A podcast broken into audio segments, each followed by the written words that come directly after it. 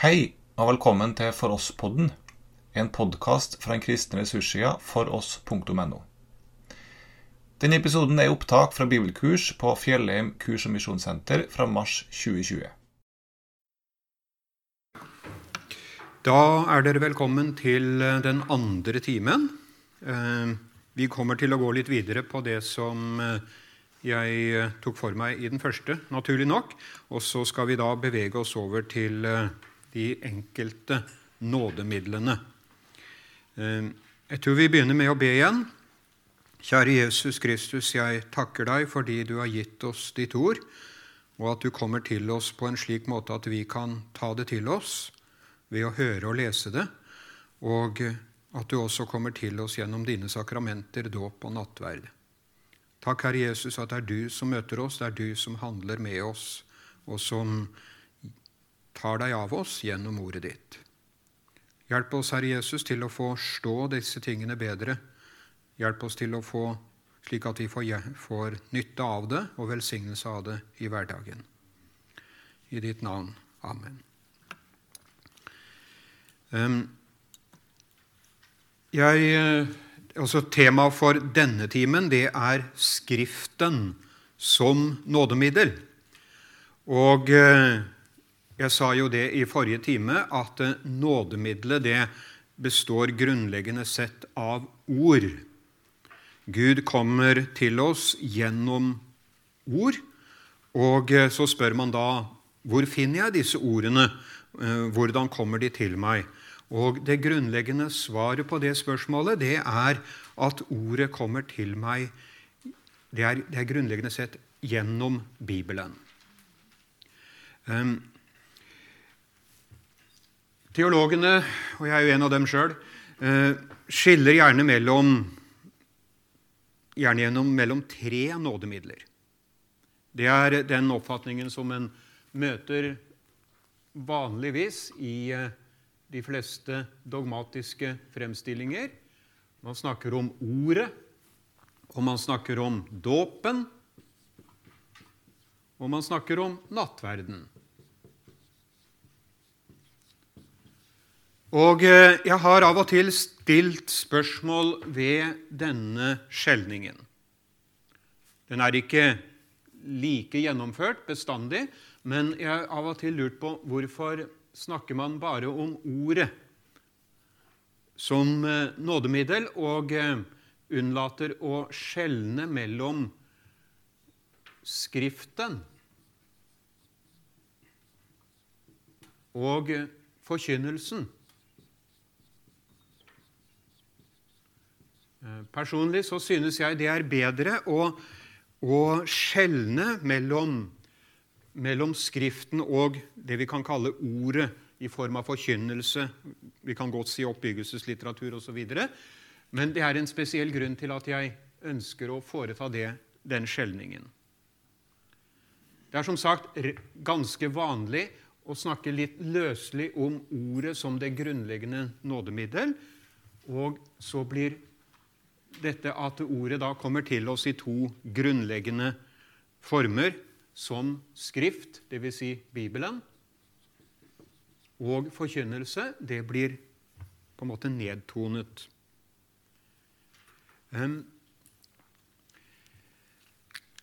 Hva kan grunnen være til det? Det er eh, selvfølgelig flere årsaker, for eh, de som skriver dogmatiske fremstillinger, de tenker jo litt forskjellig om disse tingene. Men én grunn vi kanskje bør være oppmerksom på, det har å gjøre med det vi kaller synet på Skriften. Ehm, hva er Bibelen? Ehm, en oppfatning som jeg støter på til stadighet, og som jeg pleier å gjøre studentene mine på Fjellhaug oppmerksom på, det er at eh, man i nyere teologi Eh, ikke lenger vil kalle åpenbaringen for ord. Det ligger som en grunnleggende forutsetning i mye av den teologien som gjøres gjeldende i vår tid, at Gud ikke taler. Eh, det er en oppfatning som for så vidt har ligget der noen tiår, men den har blitt veldig vanlig. Eh, Gud åpenbarer seg ikke ved å gi informasjon eller ved å si noe. Men Gud åpenbarer seg bare ved handlinger. Events. Nå er det jo forskjellige oppfatninger om hva som er Guds gjerning i historien. Men en ganske vanlig oppfatning er at ja, Gud taler ikke. Han bare handler. Da jeg var misjonær i Peru, så sto jeg overfor en teologisk retning som gjorde seg ganske sterkt gjeldende den gangen, og som har avleggere inn i vår tid. Det var den såkalte marxistiske frigjøringsteologien.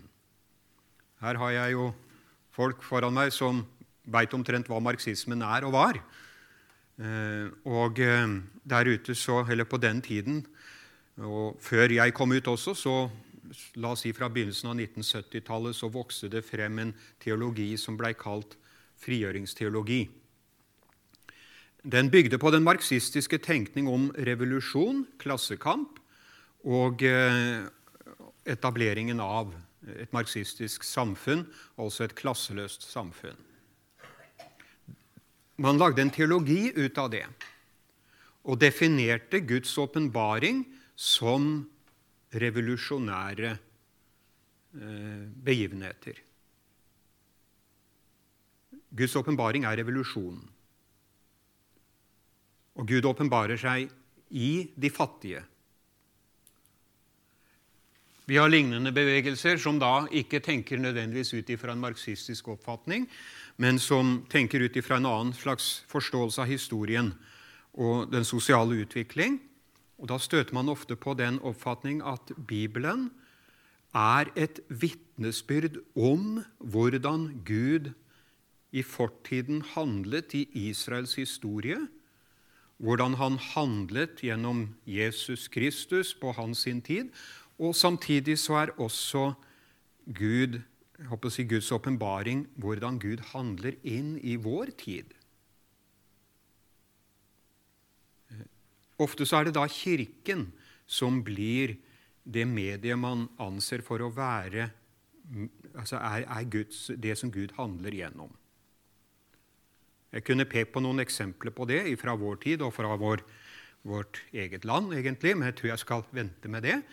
Men jeg, jeg eh, prøver å, å, få frem at, at det er gjerningen uten ord, egentlig, som, eh, som blir definert som åpenbaring i mange sammenhenger.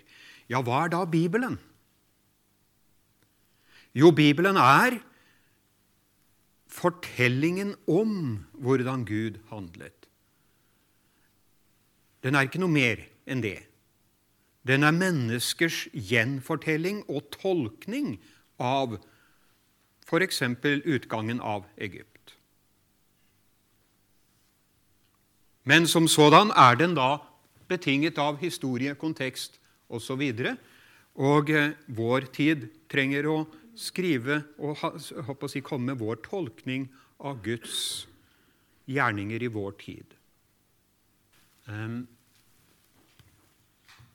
da blir forkynnelsen Den blir lett et, en tolkning av samtidens situasjon, samtidens behov, samtidens filosofi og tenkning.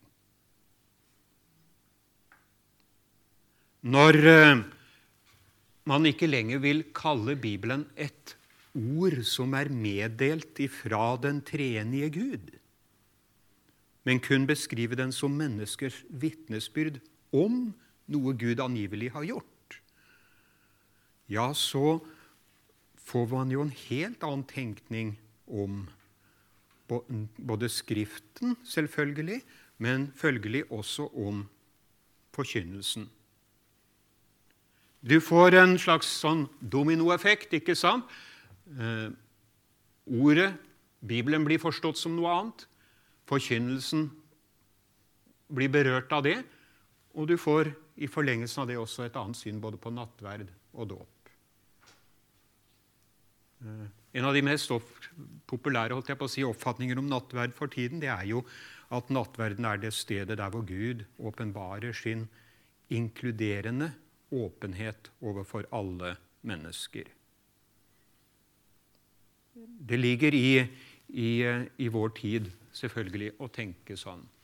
Og Derfor så har det blitt maktpåliggende for min del å skjelne mellom Skriften og forkynnelsen som nådemidler. Eh, skal man kunne forstå og tale rett om forkynnelsen som, en, som nådemiddel, ja, så må vi først si hva Skriften er og det skjønner jo folkene her veldig godt. ikke sant? For vi vet jo, vi tenker jo at Skriften, den, eller forkynnelsen, den, den, er jo betinget av, eller avhengig av, av Skriften. Det vi forkynner, det henter vi jo frem fra Skriften. Så Skriften er det grunnleggende nådemiddel. Og så må man føye til en ting, enda en ting. Gud er ikke taus. Eh, vi har ikke å gjøre med en Gud som ikke vil snakke til oss, for å si det litt banalt, men vi har å gjøre med en Gud som ifølge Skriften, Hebrebrevet, kapittel 1, har talt til oss gjennom profeter og eh, gjennom apostler.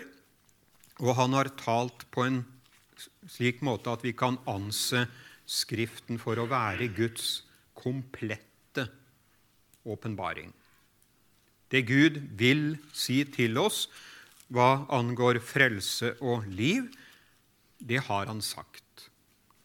Eh, Hebrebrevet, etter at Gud i fordums tid mange ganger og på mange måter hadde talt til fedrene gjennom profetene, har han nå i disse siste dager talt til oss gjennom Sønnen.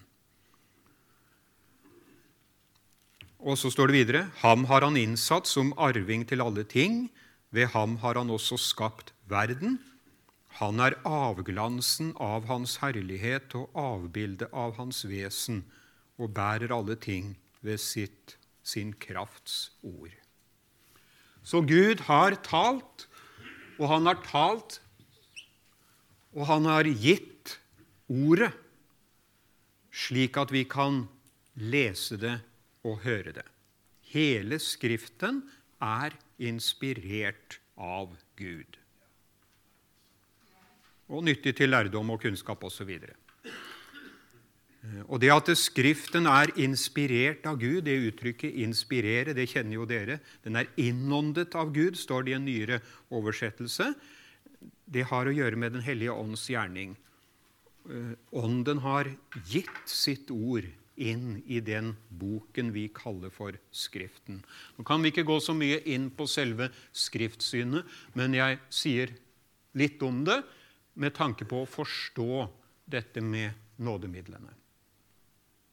Det helt grunnleggende for forståelsen av nådemidlene er, er hva vi tror om Skriften. Nå tenkte jeg det at jeg i, i forrige time skulle ta et lite blikk tilbake også på en oppfatning om nådemidlene som jeg vil tro at noen kjenner igjen, i og med at eh, noen har levd lenger enn meg, til og med. Eh, og det er eh, Ja. Det er, det, er, det er, dette med hvordan man skal tenke om forholdet mellom, mellom disse nådegavene. Skriften, forkynnelsen, dåp, nattverd. Tidligere så sto jo den konservative teologien mye sterkere i Norge. Eh, men vi var ikke helt enige der heller, kan vi godt si. Og eh, jeg husker da jeg studerte ja, Så gikk jeg jo på Fjellhaug, men jeg tok også studier på Menighetsfakultetet samtidig. Og syns jeg lærte mye på begge steder.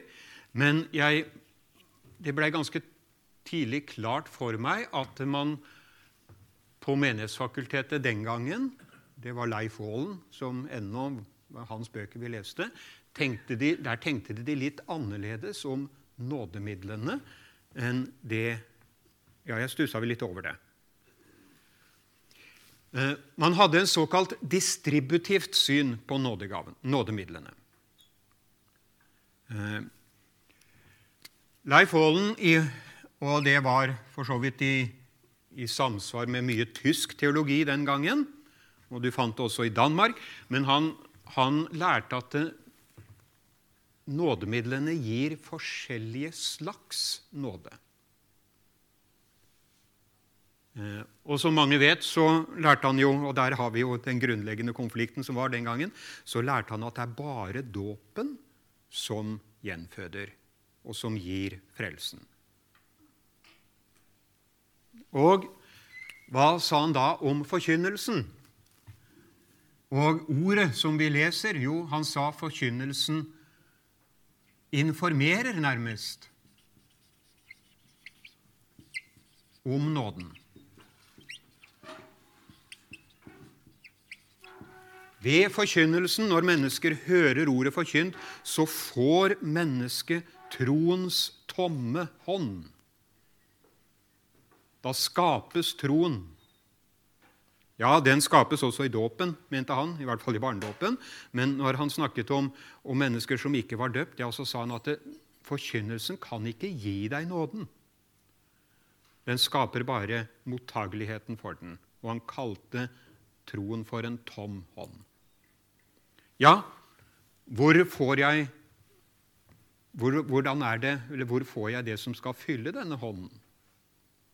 Jo, det får jeg i dåpen. Det er bare dåpen som gir frelsen. Og hva da med nattverden? Jo, der får jeg å si, næring for min sjel. Det er måltidet der jeg får fornyet nåden. Så han skjelnet ganske skarpt mellom tre forskjellige eh, si, funksjoner knyttet til forkynnelse, dåp og nattverd. Alle sammen var, var, eh, er nådemidler, men de virket på forskjellige måter. Og her videreførte han en tenkning som vi bl.a. finner hos Sigurd Odland, hvis det er noen som drar kjensel på det. Eh, det var ikke noen uvanlig tankegang, men den var diskutert. Eh, for min egen del så måtte jeg da stille spørsmålet Og den, det, det, er ikke så enkelt, det heller, for så vidt, men, men, jeg måtte stille spørsmålet om det der er riktig. Eh, og eh, jeg konkluderte da, sånn som også en del har gjort, med at, at Skriften, forkynnelsen, dåpen og nattverden alle sammen gir meg frelsen. Altså, Det går an å høre seg frelst, som vi sier. Og jeg står jo overfor det eh, med et jevne mellomrom på Fjellhaug. Ja, så, har, så, møter du studenter som ikke er døpt. Eh, og eh, vi har også opplevd at ja, det var for et par år siden så kom en av dem til tro.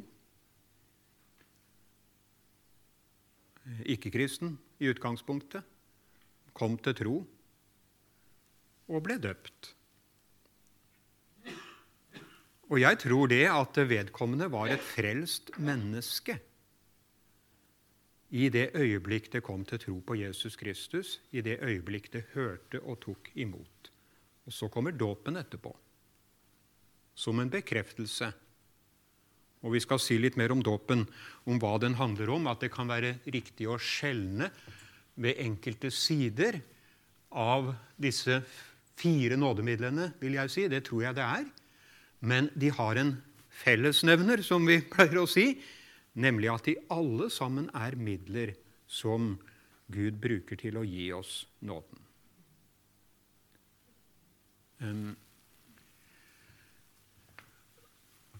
Hvorfor da skjelne mellom Skriften og forkynnelsen? La meg fortsette litt der, og i forlengelse av det prøve å få sagt noe om hva det vil si at Skriften er et nådemiddel. For det første så er jo, som jeg allerede har antydet, så er jo Skriften faktisk selve åpenbaringen. Det er her jeg får vite om hva Gud har tenkt ifra evighet av, Det er gjennom denne boken jeg ikke bare får kunnskap, for det er viktig med kunnskapen, det står det om i, i Bibelen mange steder, men jeg får ikke bare kunnskap, jeg får også et møte med Gud. Jeg har med Gud å gjøre når jeg leser Skriften, og det er her Guds tanker er åpenbart. Og dermed så er Skriften forutsetning for forkynnelsen. Og så Dersom Skriften får reduseres til menneskelige vitnesbyrd om hva Gud har gjort, så vil det prege tenkningen om forkynnelsen. Og Dersom en slår sammen disse to tingene, hvilket ofte gjøres uten at en da nødvendigvis går så langt som jeg sa i stad, ja, så, så, blir det noe uklart hva det innebærer å forholde seg til Skriften som, forkynne, som, som et nådemiddel. Eh, hva vil det si egentlig at jeg tenker om Skriften som et nådemiddel? Det hadde jeg lyst til å si litt om etter hvert. Skal vi se, der er den. Hva er et nådemiddel? Jo, det er et medium der hvor Gud møter meg og gir meg frelsen i Jesus Kristus, og la oss si også etablerer og utvikler mitt forhold til ham. Skjer det bare gjennom dåpen? Skjer det bare gjennom nattverden? Skjer det bare gjennom at jeg hører mens jeg er på møter? Ja, det skjer i alle disse sammenhenger. Men ikke bare der. Det skjer også gjennom Skriften. Skriften er et nådemiddel. Og eh, da spør jeg hvordan forholder jeg meg til Skriften som nådemiddel. Eh, når jeg, jeg, vet hvordan jeg forholder meg til forkynnelsen som nådemiddel, men eh, hvordan forholder jeg meg til Skriften? Jeg vet også hvordan jeg forholder meg til nattverden og dåpen, men jeg tror ikke alle tenker så mye på hvordan bruke Skriften som nådemiddel. Jeg som eh, holdt jeg på å si, er i, i undervisningsbransjen, holder på med teologi og sånne ting, jeg er litt opptatt av det, at jeg, skal ikke, at jeg forholder meg til Skriften faktisk ved å lese den. Så enkelt er det. Jeg studerer den. Jeg bruker den i mitt liv. Og Meningen er at jeg skal bruke den ikke bare som en interessant bok hvor det står en mengde ting som har skjedd, og som, eh, som sier noe om Gud, men den er faktisk noe mer enn det. Den er et middel, et nådemiddel. Det skal jeg være bevisst på. Og det er helt tydelig at Gud har gitt oss Skriften for at vi skal lese den med bestemt, en bestemt hensikt, ikke sant? Og i en forventning om at her møter jeg Gud, og her møter jeg Jesus Kristus. Hvordan kan man begrunne at Skriften er, er nødvendig for vår frelse? For det er den. Det står både på direkte og indirekte måte i Skriften, men jeg har tatt ut noen skriftsteder. Eh, kapittel 1-3. Det er et ganske rart ord som står der. Eller underlig ord, kanskje det er bedre å si det istedenfor rart. Også, der står det 'Salige er de som leser og hører'. Ordet salighet det har jo å gjøre med mitt forhold til Gud. Det, det, det har med min frelse å gjøre. Salige er de som leser. Altså at jeg tar meg tid med Skriften, bruker den i min hverdag. Det er ikke alltid så lett å få tid til det. Har man blitt pensjonist, så blir det vel noe bedre tid, men eh, vi veit åssen det er mange ganger. Men den ligger der som et sted der hvor Gud vil møte meg. Og jeg skal få lov å åpne den, og jeg skal få lov å lese den, og jeg skal få oppleve at i denne boken, ja, så er det krefter og liv. Den er ikke bare kunnskap, men også en bok der hvor jeg møter Gud.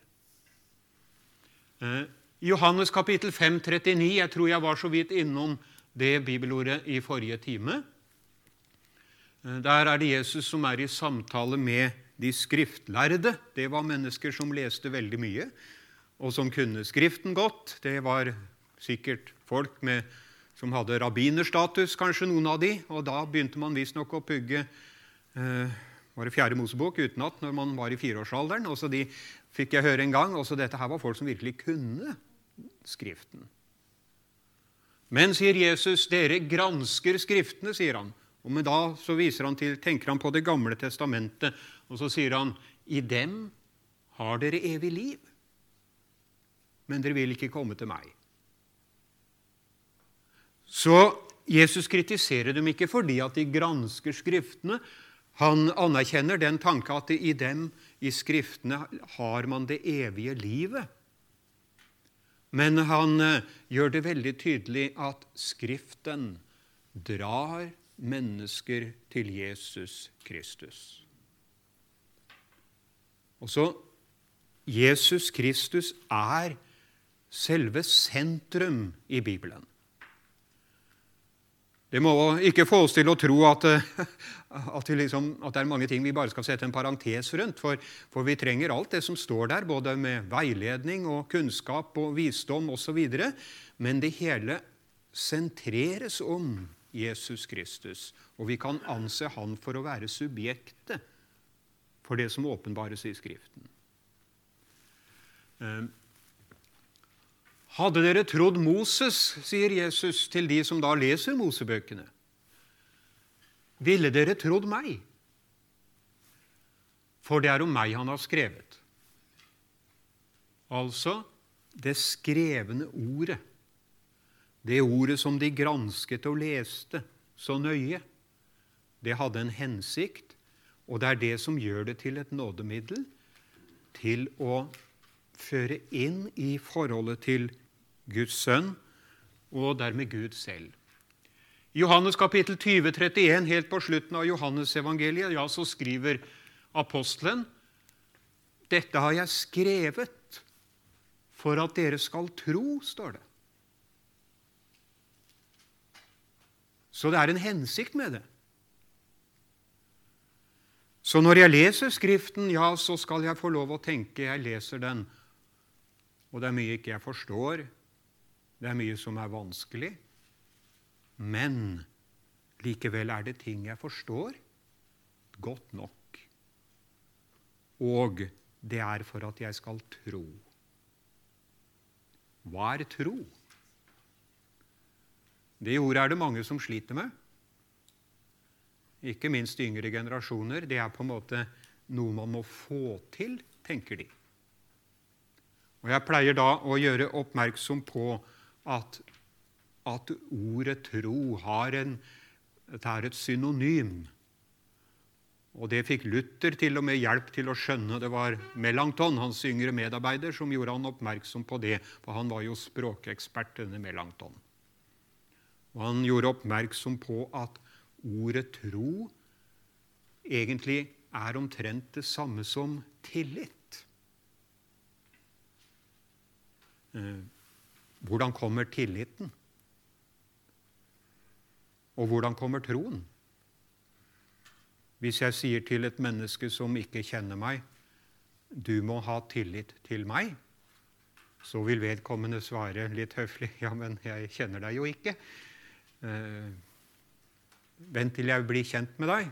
Ligger det under, så, så veit jeg åssen person du er. Tillit er noe som kommer som en følge av det inntrykket en person gjør. Og du kan ikke bestemme deg for å få tillit til noen. Den kommer av selve inntrykket. Men når du først har fått en tro eller en tillit til en person, da kan du ta bestemmelser som styres av din tillit.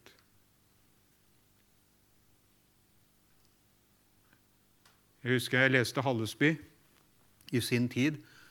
Så var han veldig opptatt av troens valg. Men merkelig nok så sier han når han snakker om det at en, en må velge å tro Han var ganske streng på det. Men når han skriver om disse tingene, så sier han forutsetningen for at man kan velge troen, er at man på forhånd har fått tillit. Så kommer Olav Valen Senstad, som jeg også har lest en del, og så sier han troen er der i det øyeblikk tilliten er der. Sånn startet den. Han pekte den starter liksom før. Den kommer på det ubevisste plan. Jeg er ikke bevisst på det at jeg har tillit til Jesus. Men det kommer som en følge av at jeg møter ham i Skriften, og at jeg hører om ham. Og Derfor sier vi Skriften, som da viser meg bildet av Gud. Guds bilde, ikke sant? Det er evig. Jesus Kristus kalles Guds evige bilde. Imago Dei. Også Bibelen viser oss, hva skal vi kalle det, et bilde som er utformet i ord av Han. Og Han har jo elsket oss så høyt at Han gav seg selv for oss. Og han er ingen hvem som helst. Han er Gud selv.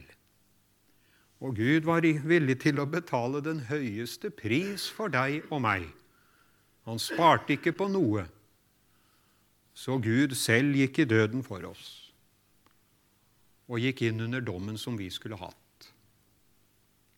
Slik har Gud elsket verden at han ga sin sønn den enbårne, for at hver den som tror på ham, ikke skal fortapes, men av evig liv. Sånn taler Bibelen. Og eh, når et menneske hører det, eller leser det, ja, så kommer troen. Og Vi skal ikke stresse mer med denne, å få til troen enn det som er nødvendig. Den skapes gjennom ordet som vi hører og leser, og i dette tilfellet er det dette med å lese ordet og forholde seg til Skriften som, som nådemiddel jeg er opptatt av. Ja, hvordan forholder jeg meg til Skriften som nådemiddel? Det har en praktisk side, og det er mye å si om det med hensyn til hvordan Skriften er, og hvordan den virker på oss. Men jeg tror det er ganske viktig for oss å ta oss litt tid. Rett og slett sette av tid. For denne troen, den har så lett for å dunste bort i livet vårt. Og i tillegg til det så har vi jo behov for å, å si, bli preget av Jesus Kristus og også få våre egne tanker korrigert. Vi har behov for kunnskap og visdom. Og disse tingene de blir faktisk gitt oss gjennom Skriften. Eh,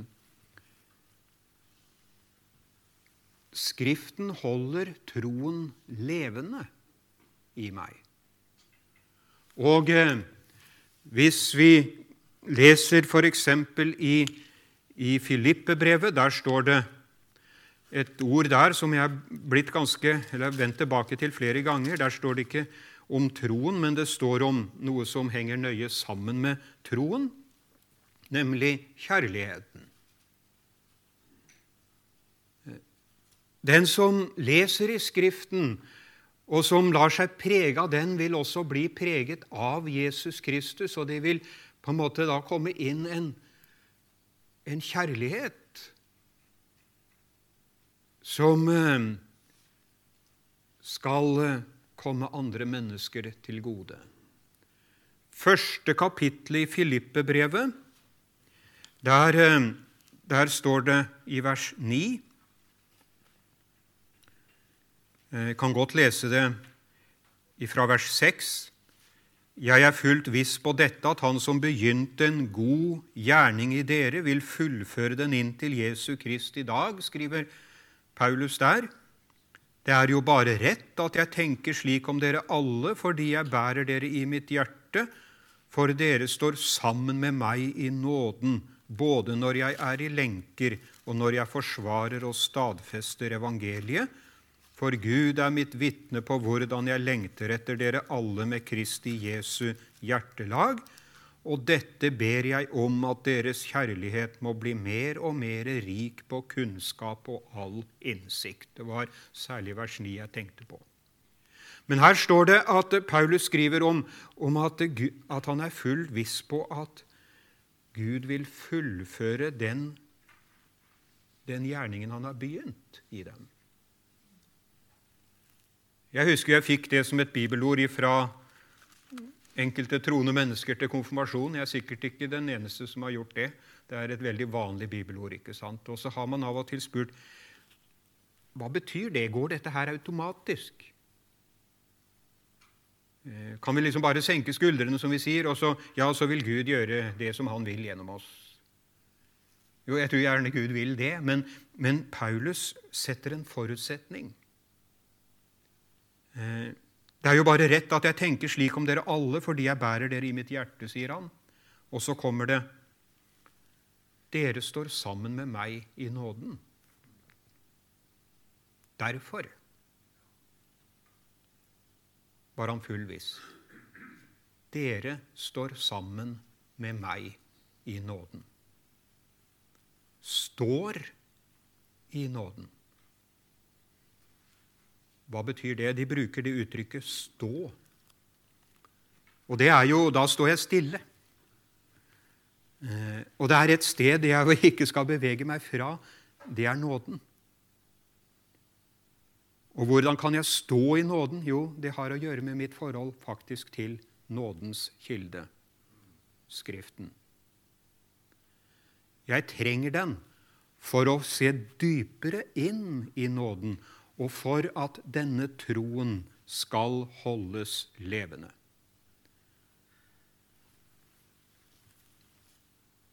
Jeg husker en gang at jeg snakket med en bibelskoleelev. Det var den tida jeg var på Fjelltun.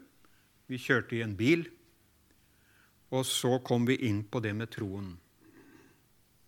Jeg tror ikke det er galt av meg å fortelle det, men vedkommende sa jeg føler at troen er borte. Og så begynte vi faktisk å snakke om Jesus. Og så sa vedkommende nå kjenner jeg troen kommer tilbake. Ganske rart. Så det, det, ligger noe i det med ordets makt og kraft, og du kan lese ordet, og så blir du stående i nåden. Men det var noe mer jeg skulle peke på. Det skapes også en kjærlighet, et nytt liv og det skal vokse. Og nådemiddelet er faktisk gitt for at, ja, som en næring til vårt, det nye livet. Og kjærligheten den er faktisk helt grunnleggende. Det var den som Jesus ikke fant hos fariseerne, som kunne Skriften nærmest utenat fra A til Å. De hadde ikke bruk for han og i all sin lovoppfyllelse de oppfylte loven slik at den ikke, til nytte, ikke ble til nytte til noe godt for sine medmennesker. Men de, de, Ingen kunne ta dem på noen ting, men de levde etter loven på en ubarmhjertig måte. Jeg skal komme litt tilbake til det. Det er flere måter å leve etter Guds bud på. Men det måten de valg vi tar i forhold til budene, skal styres av kjærligheten. Og Derfor skriver Paulus dette ber jeg om, at deres kjærlighet må bli mer og mer rik på kunnskap og innsikt. Kjærligheten skal fylles med kunnskap og innsikt. kjærligheten kommer først. Den er nærmest som la oss si, en beholder, og inn i denne beholderen, ja, så skal kunnskapen og innsikten føres inn. Paulus skriver enda mer om det i 1. Korinterbrev kapittel 13. ikke sant? Han taler om at mennesker kan ha en veldig utrustning. De kan til og med tale profetisk og gjøre store gjerninger. Men har de ikke kjærligheten, skriver Paulus, ja, så er det ingenting. Og kjærligheten må komme først. Og den kommer først ved at vi tar imot den nåden og kjærligheten Han har gitt oss. Og så skal vi elske hverandre slik som Han har elsket oss. Men denne kjærligheten skal bli fylt med kunnskap og innsikt. Hvor får jeg denne innsikten fra? Til å vurdere det jeg står overfor i samtiden. Det var jo mye rart de måtte forholde seg til den gangen Paulus skrev dette, og vi har tilsvarende mye rart å forholde oss til i kjærlighet og kunnskap. Og kunnskapen får jeg gjennom Skriften, nådemiddelet. Og jeg kan selvsagt også lese litteratur som er i samsvar med Skriften, og som hjelper meg inn i dette. Men likevel så er det ingenting som kan erstatte Skriften som nådemiddel i min hverdag. Og jeg har tenkt på det mange ganger, som sagt. Undervurderer vi betydningen av Skriften som nådemiddel? har det på en måte innarbeida seg i vår bevissthet at Skriften faktisk er et nådemiddel? Og har vi en tanke om hvordan jeg bruker den? Det er ganske Det er mye å si om det som, som jeg godt kan prøve å få med litt til. Men, men jeg nevnte det i forrige time at at det er en kraft i ordet. Når jeg forholder meg til Skriften, så, så er det av og til at jeg leser den, ja, så syns jeg kanskje ikke at jeg får så mye ut av det. Kan lese en side eller to eller tre. Dette her var så vanskelig, og her er det bare ettertavler. Skal jeg virkelig, skal jeg ikke bare bla litt videre? Jeg må tilse det, gjør jeg noen ganger. Og det tror jeg ikke er så dumt heller. Men, eh, men, eh, men eh, det hele det, når jeg skjønner litt mer av det, ja, så, så, får jeg kanskje noe ut av disse ettertavlene til og med også. Men det er noe med det at en, en kan lese det som man greier å ta til seg. Så får jeg en kunnskap av det.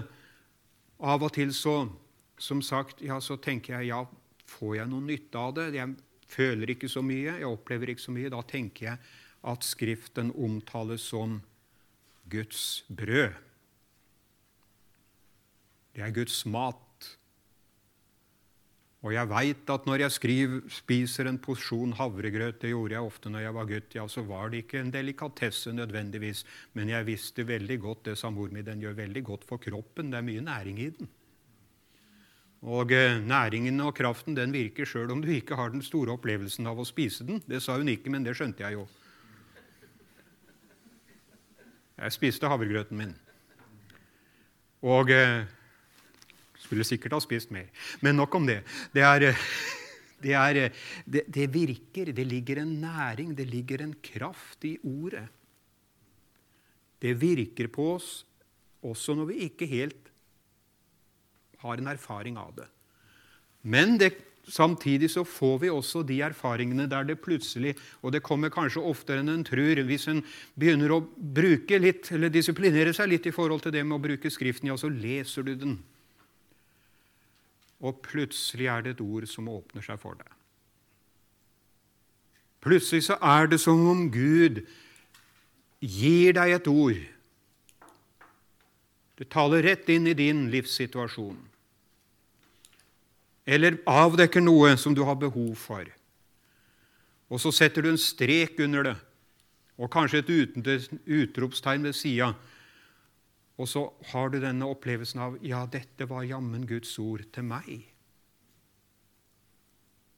Og En kan gå og leve på det ganske lenge, faktisk, og en kan få en fornyelse av det. En får en opplevelse av at Bibelen faktisk er en levende bok. Jeg blei veldig fascinert av Olav Valen Senstad. Det er vel kanskje noen av dere som kjenner til. Da jeg leste og studerte han ganske nøye, det begynte jeg med allerede i studietiden, for jeg syns det var så mye Det var veldig mye interessant og samtidig så oppbyggelig å lese. Han påpeker noe han er noe sånn at han tar med seg noe av en retning som kalles den personalistiske filosofien. Den skal jeg ikke si så mye om her, men den har dette i seg at den, den legger vekt på språket som et, et slags middel for, som etablerer relasjoner mellom personer av jødiske røtter. var en filosof eller en tenker som heter Martin Buber. Han skrev en bok som heter Ich to, jeg du. Og Han skjelnet mellom det han kalte jeg-det-språk og jeg-du-språk. Skjelnet mellom ordet som tiltale fra til i andre person og som omtale. Og Det der griper Olav Valen Senstad fatt i og bruker det i sin teologi. Og jeg bruker det med frimodighet selv også. Vi kan skille mellom to måter å tale på.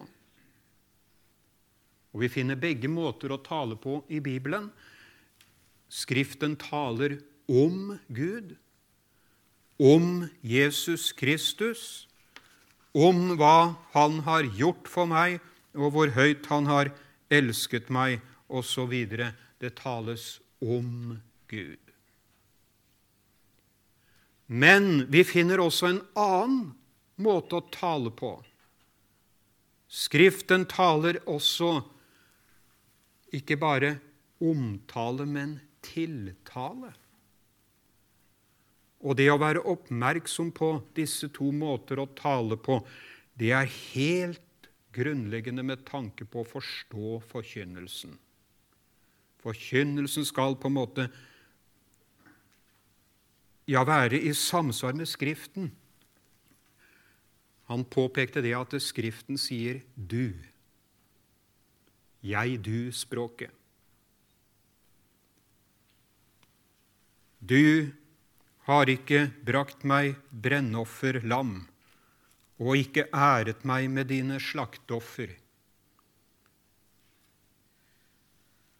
Jeg har ikke trettet deg med matoffer og ikke voldt deg strev med virak. Du har ikke kjøpt kalmuskrydder til meg for sølv og ikke mettet meg med dine slaktoffers fett, står det i Jesajas-boken.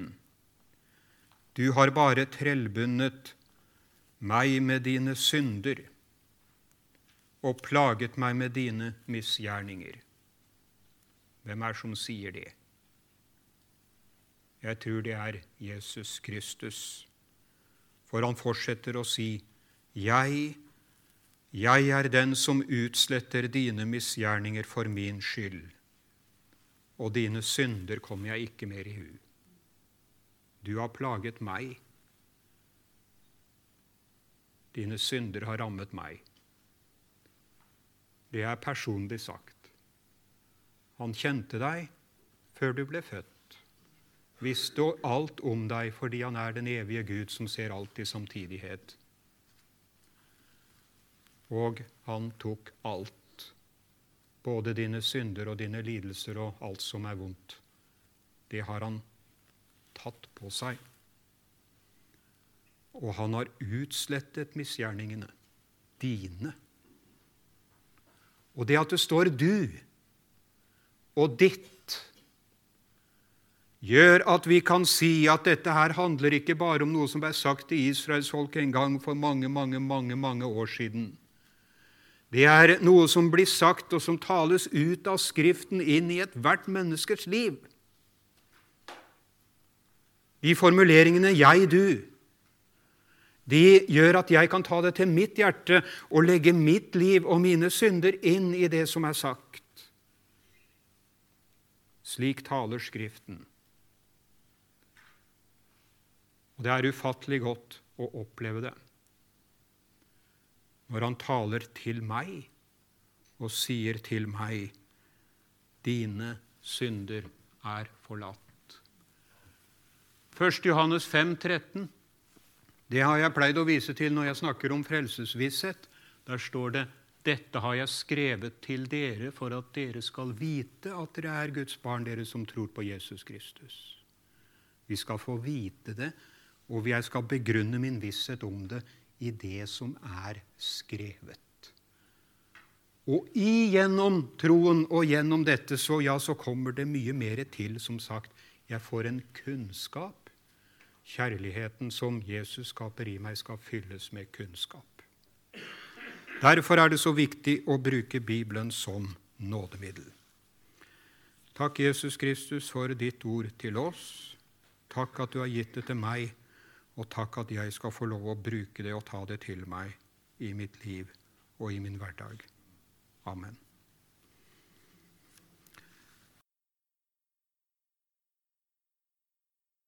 Du har nå hørt opptak fra bibelkurs fra Fjellheim kurs- og misjonssenter. Du finner mange andre opptak med undervisning på foross.no.